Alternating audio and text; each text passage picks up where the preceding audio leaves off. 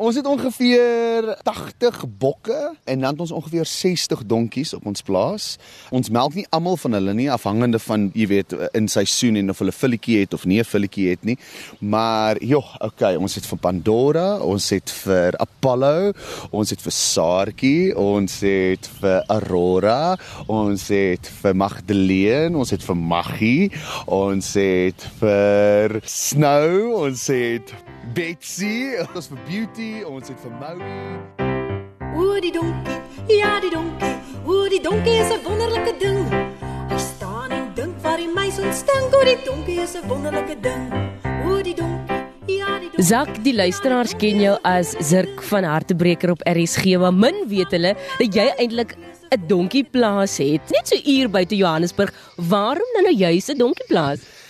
Weer is die snaakste ding toe ek die plaas gekoop het 6 jaar terug, het ek nie gedink ek wil enigstens boer nie. Maar ek, ek het niemand in my familie wat enigstens boer nie. Die ironie is Zirk van Hartebreker het 'n veeplaas. So ek op 'n stadium het ek oor 'n jy weet 120 Damara skape gehad en ek het 'n paar Nguni's gehad en dit en dat uitprobeer en toe eendag toe besluit ek net Jy weet ek verhou verskriklik baie van donkies en toe begin ek 'n bietjie my research te doen en ek uh, teel op die oomblik met blou oog bont donkies en met Nigerian dwarf goats ook. So dis maar dis maar die twee goeders waarna ek spesialiseer. Wat is die voordele van donkiemelk en hoe het jy juis besluit om dan nou die donkies te melk want mense sou nooit kan dink dat jy 'n donkie melk nie want 'n koeimelk is die, die algemene een. Ja, ek dink die siege van dat 'n donkie 'n dom dier is is ehm um, ja, is nogal skrikwekkend want ek, in my opinie ook oor dat ek met donkies boer, weet ek dat hulle een van die slimste diere is.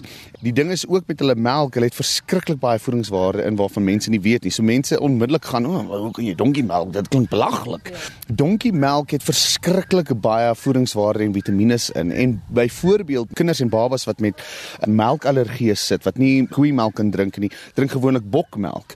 Maar die verskil is met bokmelk, net 60% van die mense met allergie sal die bokmelk kan drink of wat hulle liggaam sal kan inneem.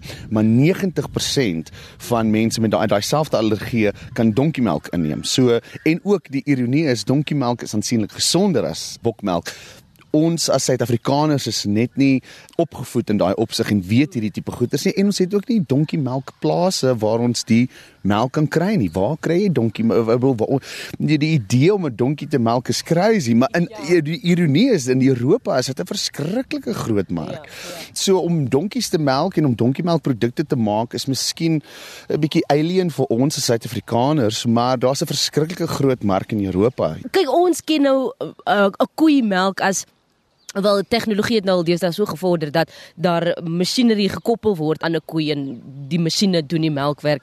Doen julle dit met die hand of word daar masjiene gebruik en hoe werk die proses? Trek jy regtig waar die speen of hoe werk dit? So 'n uh, lekker 'n uh, vraag om te vra want die ding is ek dink dit is een ding wat mense nie weet nie. Ja, is hoe melk jy 'n donkie? Ja. Want ek dink uh, weer eens Okay, eerstens, jy kan nie 'n donkie melk met 'n masjien nie want 'n donkie gaan nie staan vir 'n masjien nie. They don't have a reserve udder. So hulle kan net 'n sekere hoeveelheid melk per dag gee. 'n Goeie koei kan ongeveer 30 liter per dag gee en jy melk hulle twee keer 'n dag. Met 'n donkie moet jy hulle elke 3 ure melk. En dan kry jy net 'n persentasie van 1.5 liter vir die hele dag. Maar ons moet ons melk met die filletjie deel.